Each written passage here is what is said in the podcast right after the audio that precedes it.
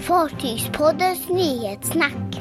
Birger Jarl smet från Stockholm. Nu misstänks ägarna för brott. Hon blev en av världens sista kryssningspassagerare. Hör om den märkliga resan.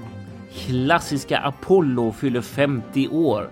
Corona gör att hon nu får leva ett år till.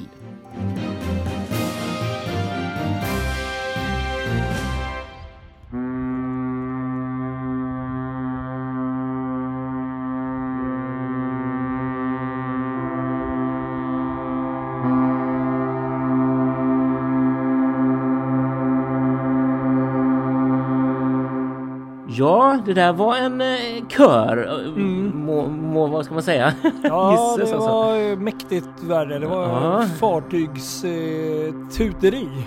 Eh, ja, men det kan man säga. Från ja. första maj eh, vid lunchtid så eh, tutade ja, i stort sett världens alla fartyg då klockan 12 i alla, när klockan var 12 rättare sagt i alla länder.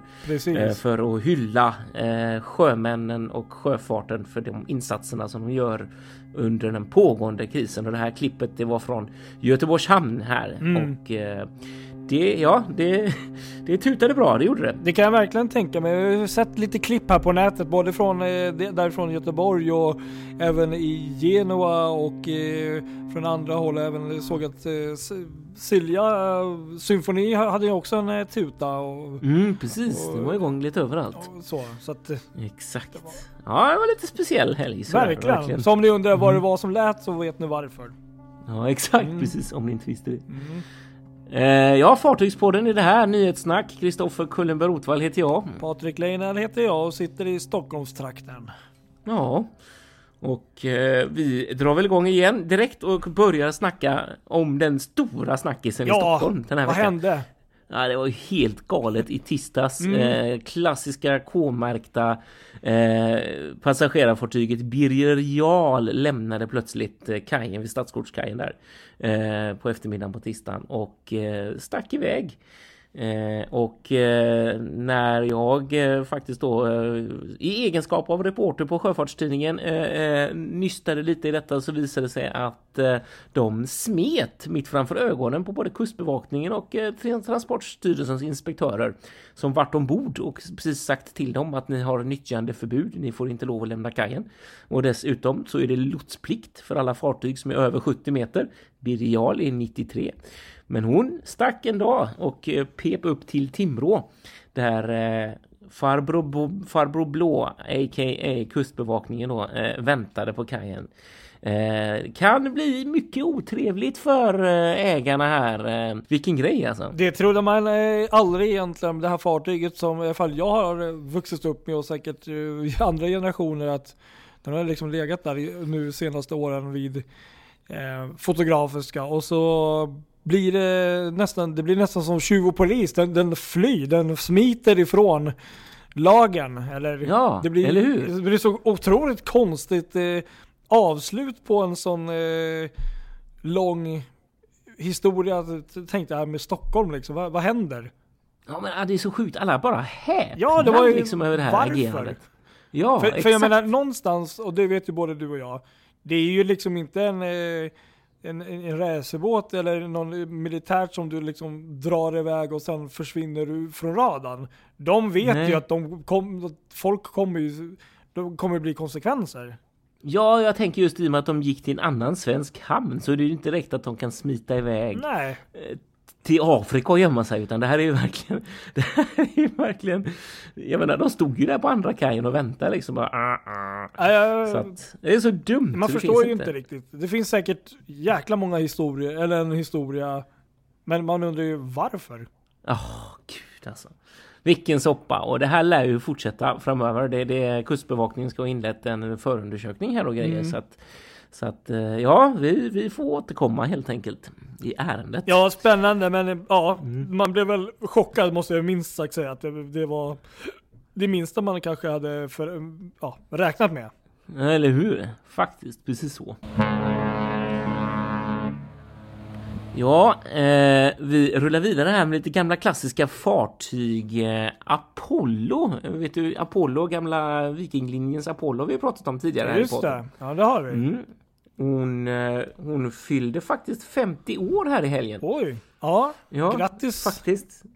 Det var 50 år sedan som hon sattes in i trafiken där mellan Kapellskär, Mariehamn och Nådendal när det byggdes för Rederi AB Slite Oj, oj, oj. eh, till en summa av 25 miljoner kronor.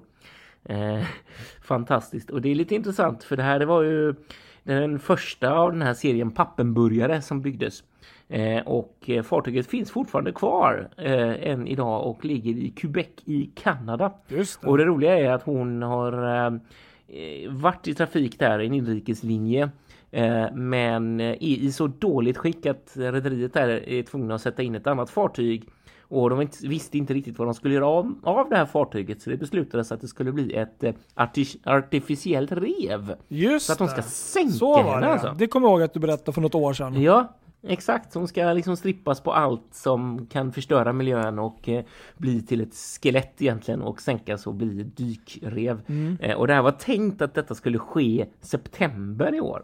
Men nu har corona då gjort att även det här blir förskjutet till sommaren 2021 först.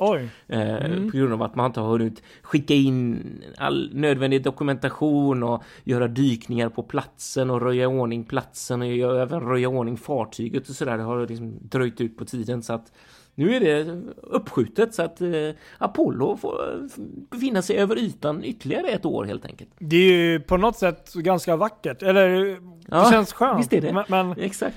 det, ja, nej, det var, det är ju det här som är spännande som du har nämnt förut. Att vissa fartyg, ja de har sina historier, det är från A till B. Men det är många fartyg som har väldigt sådana här, ja men som Birger Jarl nu senast här och det här. Som har, det händer så mycket häftiga grejer under fartygets historia.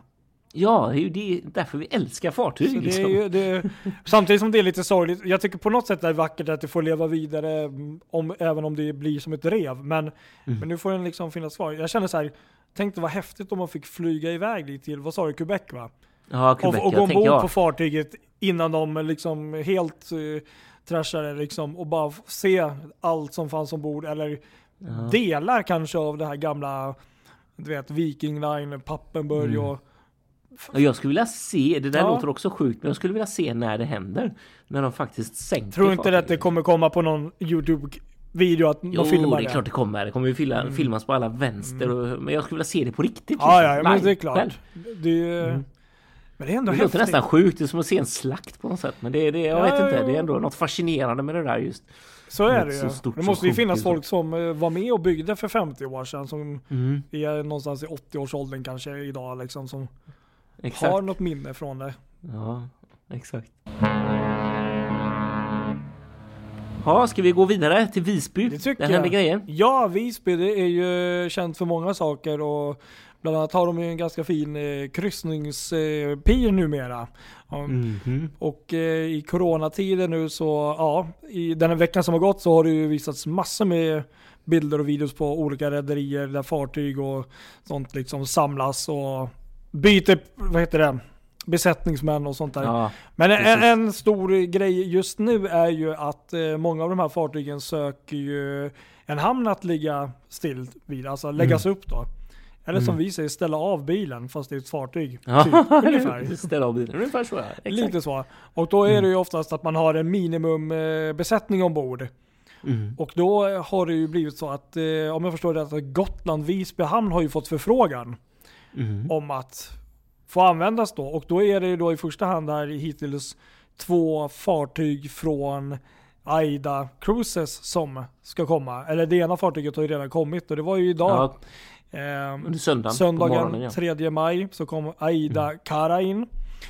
Och den 8 maj kommer Aida Aura in va, var det väl? Mm. Stämmer. Och eh, det som händer då är ju att de kommer ligga still där och eh, de behöver ju då få tillgång till bland annat spillvattenanläggningar, påfyllnad av förnödenheter.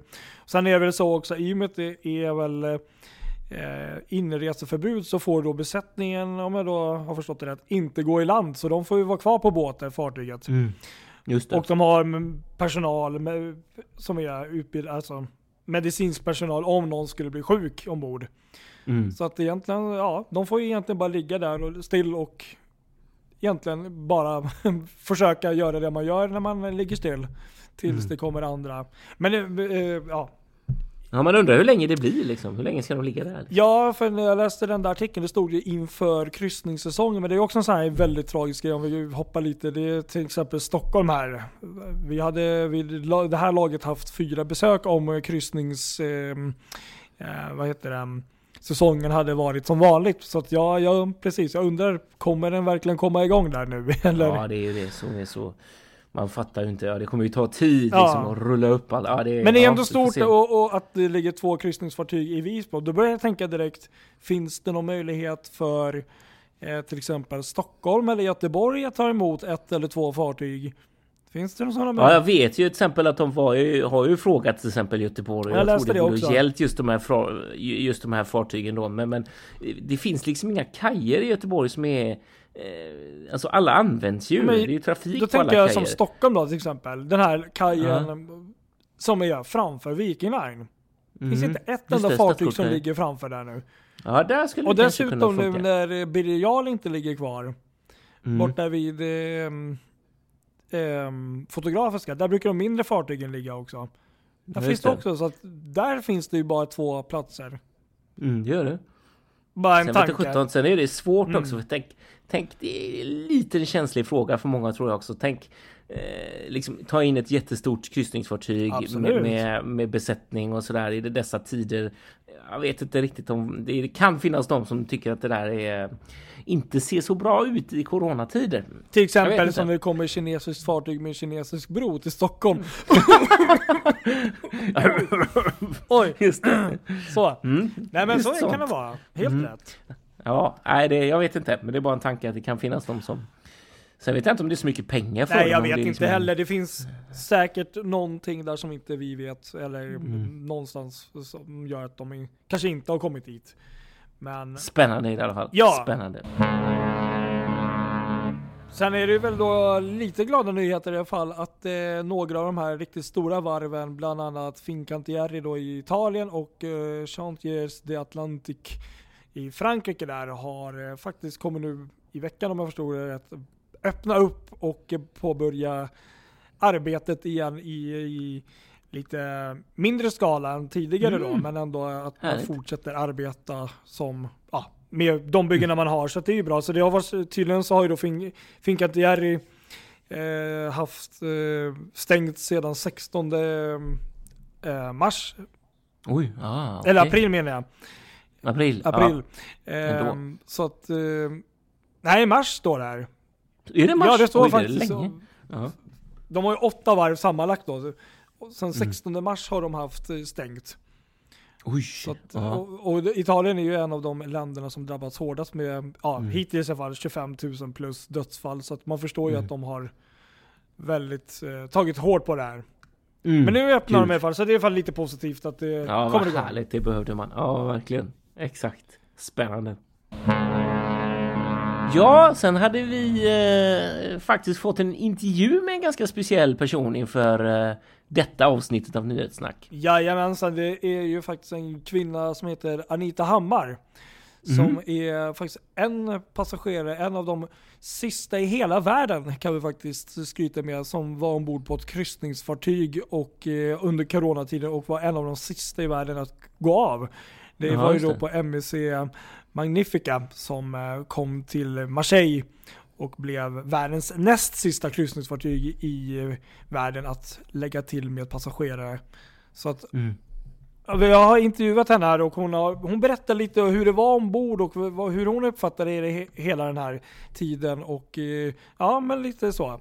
Och hennes historik om kryssningar och så. Så det var, det var spännande att få höra. Så här kommer, eh, kommer den eh, intervjun med henne. Kul! Jag tänkte faktiskt börja med några, ställa några så här simpla frågor lite så här om eh, hur eh, din kryssningshistorik ser ut. Har du, är, är du en tidigare kryssare? Nej, faktiskt inte. Vi kryssade för 2014 och då började med, med en vecka i San Juan, Costa. Rica. Och eh, sen sju dagar bara runt de här San Kitts, eh, Santa Lucia och den rutten så att säga. Och då sa jag att det här var alldeles för kort. Ja. Sen har vi bara, ja typ Viking och Tallink och sådana här. Så att det här var den första riktiga kryssningen kan man säga. Minns du vilket eh, rederi du åkte med där när du åkte i Karibien första gången? Ja, det var Royal Caribbean. En kryssning där på en vecka och sen helt plötsligt så eh, bokade, ni, bokade ni hela världsomseglingen här? Absolut. Ja, det är så här att eh, vi var med i någonting som heter Royal Holiday tidigare. Okej. Okay. Och då betydde det att man fick bo gratis. Eh, eh, man fick välja, när man blev medlem så fick man välja då vilka ställen man ville besöka och vi valde Mexiko och Dominikanska republiken.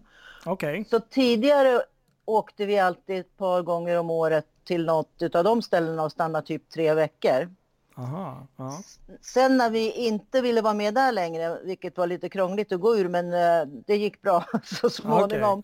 Okay. Eh, då började vi med att hyra utav eh, Airbnb och vara borta mellan fyra, tre och fyra månader och då har vi varit i Mexiko tre år i rad före den här kryssningen då. Så att vi, ja. vi, vi, vill inte vara i Sverige på vintern om jag säger som så. Och Nej, vi vill okay. inte köpa någonting utan vi vill göra lite olika saker. Det låter riktigt härligt faktiskt måste jag säga. Jag blir lite avundsjuk. Men då såg ni den här kryssningen då? Eller? Ja, faktiskt så såg jag den 2017 och visade min gubbe men sa att det var alldeles för dyrt. Och det mm. var 2019 som jag tittade på då. Mm. Och den rutten var samma som kom, ungefär som kommer nästa år. Ja. Eh, men då var den full. Och dessutom så tyckte inte jag att vi skulle åka. Men sen var jag bortrest. Jag har en av mina söner bor i England. Så när jag kom hem hade gubben preliminärbokat via MSC just den här kryssningen som vi har varit på. Okej. Okay. Eh, och det, då började jag kolla, då hittade jag via Globetrotter att man kunde få flyget inkluderat om man bokar med dem. Ja. Och då, ja, jag, vill, jag tyckte ju egentligen att det var för mycket pengar, men då hade han liksom sått det här fröet hos mig. Mm. Så, att, ja, så då bokar jag med, med Globetrotter istället. Ja. Och det är jag jätteglad för, för de tog verkligen väl hand om oss när allt det här, eh, hur man skulle komma hem. De ska ha en stor eloge. Jag, deras VD ställde upp under påsken när det var stängt egentligen och ordna allting. Så att, eh, jag är imponerad. Ja, det låter riktigt schysst faktiskt. Men en sån här världsomsegling, det är ju alla fartyg, eh, kryssningsnördars dröm. Det är ju en ganska Absolut. tuff eh, resa. Det är ju inte, det är många dagar, det var ju 117 dagar sammanlagt. Det skulle vara det, men det blev inte fullt så många dagar eftersom vi fick av eh, den 20 istället för den 29. Så det blev nio dagar kortare kan man säga. Precis, men då, då, då hade ni ändå nästan varit iväg i 117 dagar. Så då, då valde ni MEC då? Ja, det var bra. Och, eh, bara lite så här, vad, din uppfattning om fartyget? Jag hade varit på fartygsvisning på eh, ett som heter Poesia som är ungefär likadant. Just det. Tidigare, så jag visste ungefär hur det såg ut och, och det dög bra. Jag kanske tycker att poolen var lite för liten, ja. men eh, annars så tycker jag att allting var bra och eh, besättningen och personalen var helt fantastiska. De ställde upp även efter Sydney när de egentligen kunde få ha hoppat av. Okay. Alltså de kunde få sluta arbeta, det här entertainment-teamet och vi hade operasångare och dansare och alla de fortsatte frivilligt så att säga för att underhålla oss och även för att få deras tid att gå också. Ja, precis. Jag läste någonting om att eh, både passagerare och eh, anställda kunde hoppat av där. Men, men, men eh, precis, och eh, Poesia är ju systerfartyg till eh, Magnifica också, så att det, det stämmer ju ja. bra. Men jag... Och henne ska vi åka med nästa år. Poesia, eller? Ja, vi har bokat den. Okej, ni har bokat en ny världsomsegling? Ja. Okej, nej men då, då tror jag vet vart det här kommer eh, landa någonstans. Liksom, när började ni, när ni åkte iväg på kryssning? Jag antar att det var en riktigt härlig stämning. Det var Genua 5 januari. Och... Steg vi på fartyget den fjärde i Civitavecchia. Ja. Och jag hade tidigare via, också via Facebook fått kontakt med en kvinna i USA. Ja. Som är en riktig kryssningsmänniska. De hade kryssat tror jag, tio gånger bara för att testa hur det skulle vara. För, hon hade med sig sin man och en uh, manlig kompis ja. så de skulle bo tre i hytten och då ville de liksom testa hur det skulle fungera och det fungerar jättebra. Så vi träffades då och har umgåtts med dem precis hela tiden. De skulle egentligen som amerikanare mm. kliva av i Sydney Men man hade fått skriva på ett papper vad man ville, om man ville fortsätta till Dubai eller Sydney. Och de ville fortsätta till Dubai. Och därför så fick de, när de hade packat och var på väg av, prata med en sån här eh, säkerhetsmänniska som frågar, vill ni fortsätta så får ni göra det. Så då, liksom, då stannar de kvar.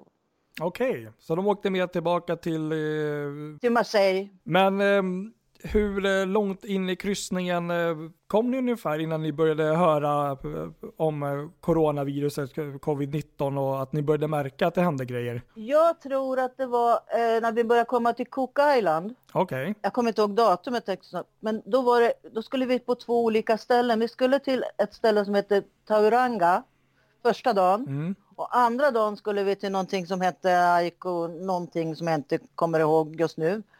Men de sa att vi fick inte komma för de eh, var rädda för eh, coronan.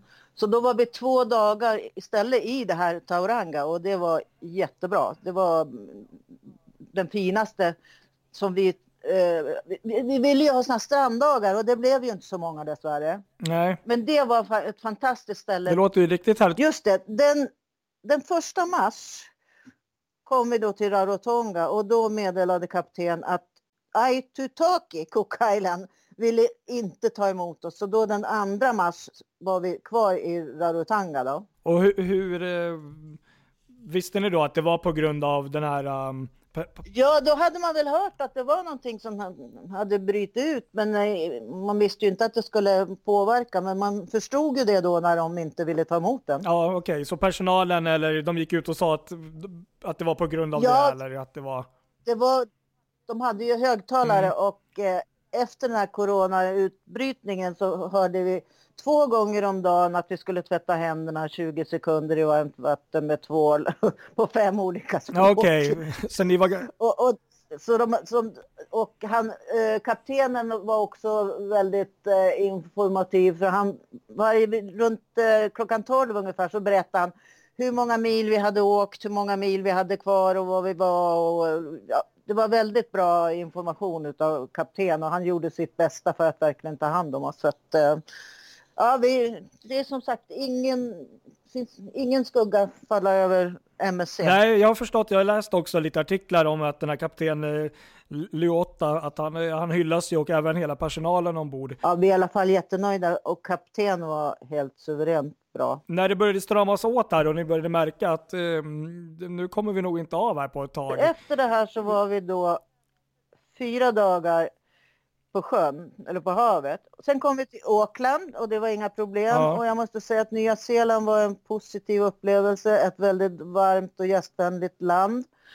Trafiken lugn, Ja. släpper fram en i de här Brasilien och Argentina. Där fick man liksom gå över gatan med livet i... Okej, Nu kom vi till något som heter Tauranga i Nya Zeeland och det var också helt fantastiskt. ja, Och sen kom vi till Napier Wellington. Och Wellington var det sista eh, där vi fick sätta foten på land. just det. Ut- Förutom det här Hobart som kommer lite senare då eftersom eh, vi var tvungna att registrera oss. Eh, nu passerar vi något som heter Cruise Milford Sound. Och sen är vi på sjön ett par dagar. Och sen kommer vi då den 14 mars kommer vi till Hobart. Ja, Och där får vi som sagt bara gå av och visa passen och så gå ombord igen. Och sen den 14 mars fram till den 20 april var det bara ombord på havet. Så att när vi kom till Sydney så kunde vi se operahuset. Men vi Okej. fick ju inte gå av så, att, eh, nej. Det var lite tråkigt. Men hur, hur var, det, det är väl det som är det intressanta och även när man har pratat med vänner och sånt som inte är kanske kryssnings, eh, eh, så här, åkt mycket kryssningar. Det, det, de flesta säger ju att det, är- det är ju skräcken att vara ombord på, på, det här, på ett fartyg. Absolut, absolut inte. Vi skojar om att vi var lite som Flying Dutchman och, och det här. Ja. Men, för att vi virrade ju runt innan vi visste. Vi fick ju bara komma, inte komma i land, men vi fick ju båtar som eh, kom med förnödenheter och Just sånt det. där. Eh, Men eh, stämningen var jättegod. Alltså vi, vi bodde ju på i i vår egen lilla bubbla. Vi var ju friska. Vi hade ju service och god mat drinkar, bad, sol när vädret tillät och underhållning. Vi hade mycket sådana frågesporter som är jättekul. Mm. Många lekar som eh, det var alltid samma människor som deltog och kastade bollar och sånt där och vi andra tittade på. Ja. Uh, vi hade jättetrevlig serveringspersonal för på kvällarna åt vi på restaurang, på dagen åt vi ofta på den här, uh, vad heter det, buffén. Jag hoppade ofta över frukosten om jag inte tog frukost på rummet för vi hade faktiskt room service den här gången. Ja. Så vi kunde äta på balkongen om vi ville, om det var bra väder. För det var det ju inte alltid. I början var det ju jättekallt. Ja, precis. Man var ju lite sådär småförkyld, men eh, det var ju bara en sån här vanlig förkylning för det var ju, det var ju skillnad mellan varmt och kallt ganska mycket så att säga. Så, att, eh, så det var många som var snoriga och sådär, men det var ingen som hade något större. Det var eh, en, en i vårt sällskap, han har pacemaker och en gammal sån här lungskada. Det var inte asbest men något liknande, jag kommer inte ihåg vad det hette.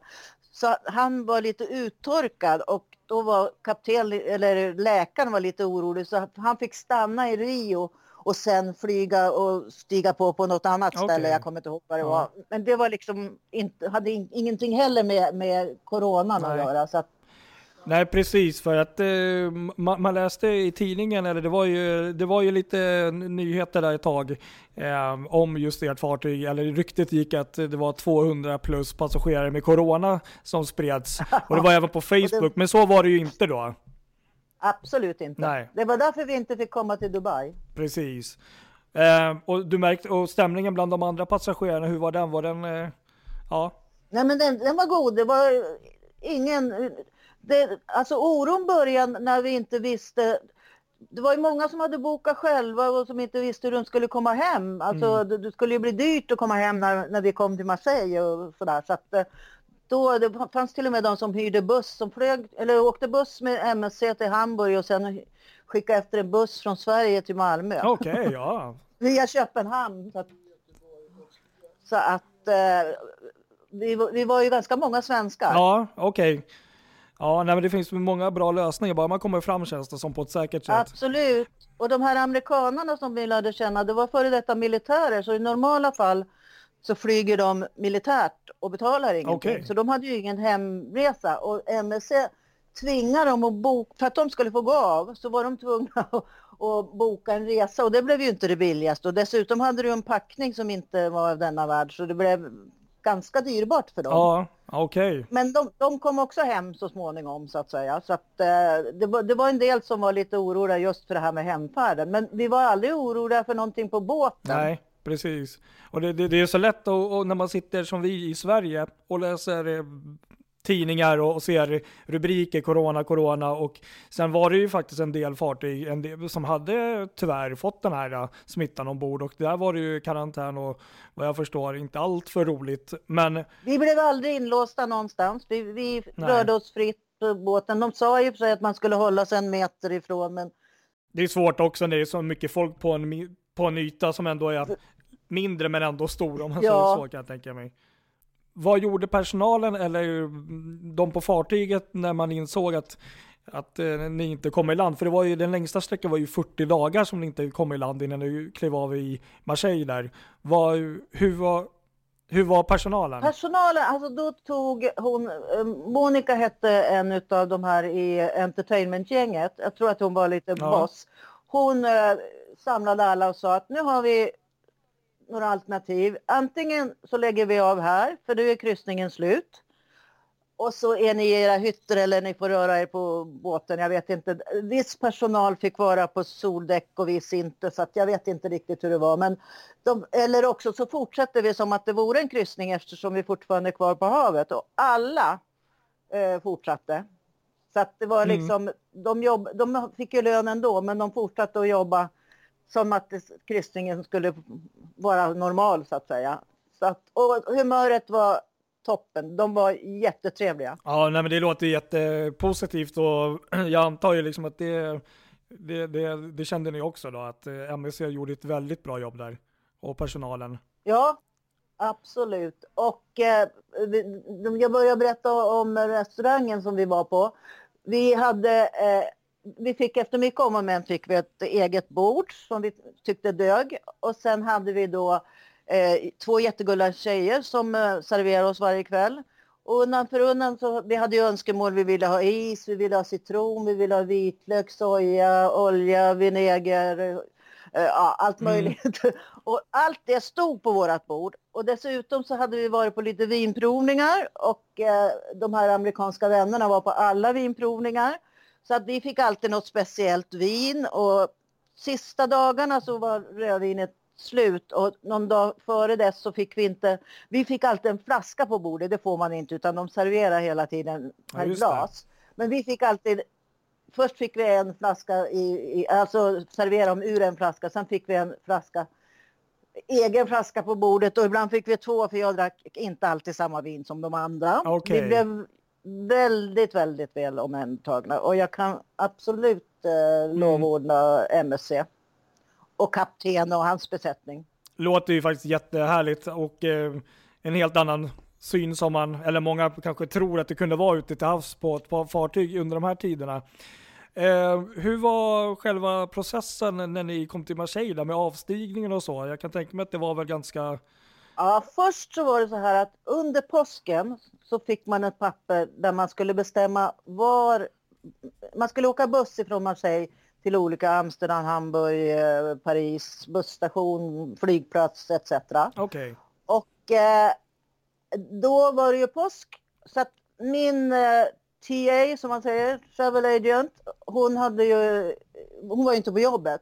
Men då fick jag något sånt där informations eh, mail ifrån eh, från Globetrotter. okej. Och då svarar jag på det, det brukar man inte kunna göra, men då svarar jag att men i, i och med att vi kom tillbaka till Europa och det var också mycket tack vare de här fransmännen, de krävde att de skulle Okej. få komma hem till Europa så att eh, de hade tagit in någon sån här eh, typ regeringsgubbe för att, för att få sin vilja igenom. Men då visste ju inte riktigt vad vi skulle välja, men då fick jag kontakt med vdn för Globetrotter. Och då Okej. berättade han precis hur jag skulle göra och så berättade han att eh, han hade bokat hotell och flygbiljett till oss hem så att det var bara att liksom välja Paris. Så då fick man fylla i det pappret och sen så fick man då olika eh, taggar till väskorna. Man fick tala om hur många väskor man hade och så fick man sätta på dem och så fick man eh, klistra på, på, eh, på kläderna en, en, vilken färg man hade på, på väskorna och sen vilken buss man skulle åka. Och så fick man en meeting point då den eh, 20. Och sen fick man vänta där ett bra tag till man fick eh, gå av. Då skulle man hämta väskorna vilket var lite problematiskt, tog lite tid. Till slut så kom vi på bussen och eh, det gick bra. Men det var en buss utan toalett så vi fick stanna typ varannan, var tredje timme.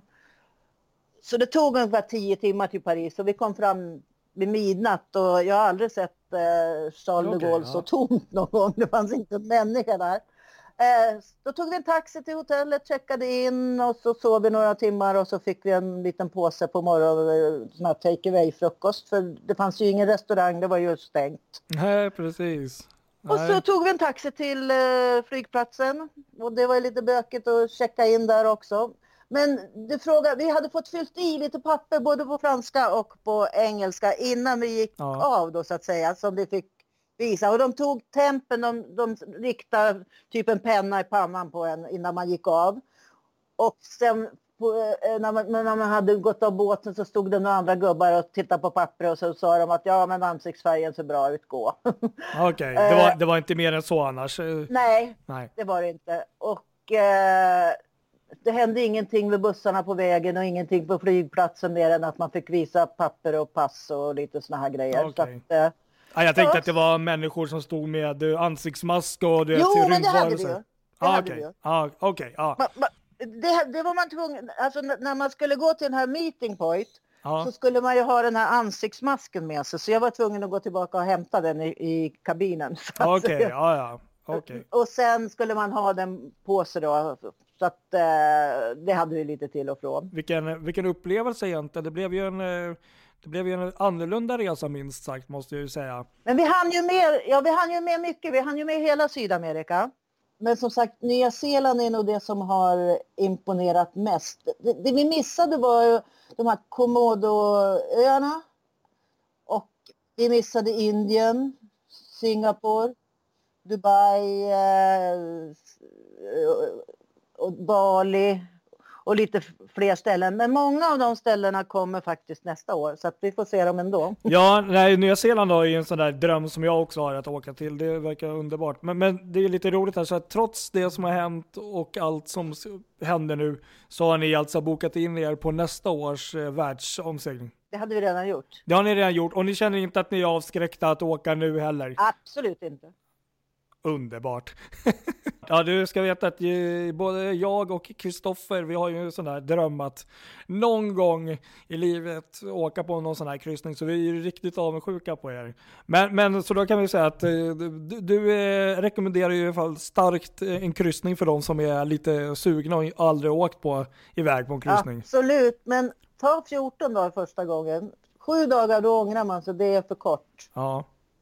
En världsomsegling kanske är lite väl mastigt ja, det första man gör. Om man inte har seglat alls så tror jag nog kanske att man ska göra något försök. Ja. en Riga eller Tallinn i värsta fall. Du, du blev ju också, kan du, kan du berätta lite kort där om, du blev ju kontaktad av en journalist från Washington Post. Ja, det, jag såg ett inlägg på Facebook. För, för man är ganska mycket på Facebook när man är på, på båten sådär. För för att fördriva tiden mm. mellan varven. Och då såg jag att det var någon sån här journalist som ville höra lite om det var någon som var ombord på någon båt. Och då svarade jag och då så frågade han om man kunde kontakta mig och mm. bla bla bla. Så frågade han hur det var och då berättade jag ungefär samma sak som för dig att vi Ja, vi sover länge, ibland hoppar vi över frukosten och ibland äter vi frukost. Vi solar och badar och umgås med folk, äter gott och dricker gott. Underhållning, lekar, spel, allt möjligt. Men att vi har det jättebra. Vi är på ett flytande lyxhotell ja, kan man väl säga. Mm. Och eh, coronafria. Ja, precis. det, det viktigaste det, där. Det viktigaste ja. i det här fallet. Och, och då gensvaret, det, det blev ingenting då? Nej, direkt. Eh, jag har inte hört något mer utan eh, jag bad att han skulle liksom höra av sig om det blev någonting och då sa han att det, mm. det var inte han som skulle skriva utan det var någon annan som möjligtvis och eventuellt att vederbörande skulle höra av sig med ytterligare frågor eller någonting men sen hörde jag inget mm. mer. Men jag var ju positiv så att de ville väl kanske höra andra. Mina amerikanska vänner sa i alla fall det att det där var alldeles för positivt. Okej, okay, ja. ja, jag misstänker väl det kanske inte var det riktigt de ville sälja till, till publiken, nej, att det var en härlig solsemester på sitt sätt. Ja, precis. Ja, nej, men vi är jättenöjda och eh, kan starkt rekommendera en kryssning. Och gärna med MSC. Jag vet inte om man kan nämna det. Du, du eh, skickade ju någon video där på någon händelse. Kan man nämna det här kanske? Eller vad var det? Du var ju med om no Jag kan bara börja. Alltså det var så här att när vi då eh, åkte genom Suez så Eh, så var, alltså, man, fick inte gå, man fick inte gå ut på uh, eh, 13 kallade vi det, alltså det var soldäck och det var rökarna var där också. Och uh, det, det, var becksvart, hela båten var liksom becksvart utom de, de drog för gardinerna i, i, på barer och restauranger och sådär.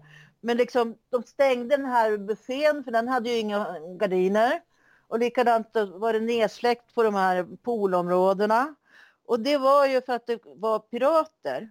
Okej, okay. ja. I de där eh, farvatten. Och det fanns de som hade varit med om, om det här på någon tidigare kryssning som tyckte okay. att det var lite läskigt. Ja. Och den här videon är alltså en utav en tjej från England som heter Beth som hade filmat det här.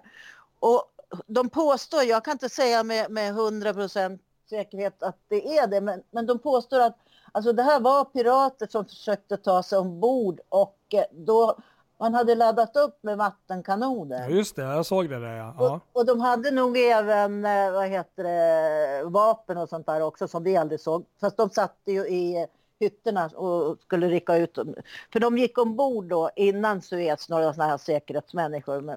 Okej, okay, ja. Med, med, med, vapen. Men eh, som sagt att vi såg dem aldrig för de höll sig nog inomhus tills det skulle vara nödvändigt att rycka in om det var så. Men eh, så det här har jag alltså fått i efterhand. Men, eh, Så det var inte från det- eran kryssning det här hände då? Jo, det är från våran Det är det? båt. Oj! Oj! Det är från våran båt. All Och right. det är alltså en utav servitriserna som har filmat eh, personalen som håller på att vattenbomba dem. Ja, ja precis, jag såg det. Men, men var det någonting som de gick ut med och sa liksom att... Nej, nej, nej, nej, nej, absolut inte. Det här fick jag samma dag som jag skickade den till dig. Ja. Okej. Att det, var, det var ingenting som vi, vi kände till då. Vi blev bara liksom varnade och det var ju becksvart i två, två eller tre nätter tror jag. Jag kommer inte ihåg Mm. riktigt. Men alltså de efter klockan sex eller någonting sånt där så var det becksvart på båten. Ja, För det blev ju väldigt fort mörkt på de där breddgraderna. just det, precis. Ja. Att, eh, så vi visste ju bara att det var farligt men inte att det var sådär nära. Nej, precis. Nej, nej. Ja, spännande. Vilken resa i alla fall. Jättetack att du tog dig tid att berätta lite om din, eh, din upplevelse på den här kryssningen och hur det var att vara ombord på ett fartyg under coronatider. Absolut, det var lugnt. Det var läskigt att komma hem. Ja, nej, det var intressant det där. Hon har ju mycket att berätta och verkar ju verkligen ha eh, fått ett öga för det här med världsomseglingen. Men eh, hon verkar ju minst sagt haft det bra, om man säger så. Ja, verkligen. Gud vad spännande Ja. alltså. Det var riktigt kul. Ja, mycket Kanske bra. inte riktigt det man hade trott när man eh, läste andra rubriker och, och såg hur det såg ut i världen. Men nej, skönt att Visst. det, det slutade gott i alla fall. Ja, skönt. Precis, verkligen. Härligt. Snyggt. Snyggt jobbat att vi fick till den intervjun där. Riktigt bra. Ja, det var kul. Jaha, Ja, ska vi stänga butiken för Jag denna vecka? det, blev ett så- långt avsnitt. hörs vi och syns vi tänkte jag säga. Det gör vi ju aldrig nästan. Men vi syns gör vi inte. Vi hörs. Ja, det hörs gör vi. Precis. Ha det gott alla! Ha det bra allihop. Hej då!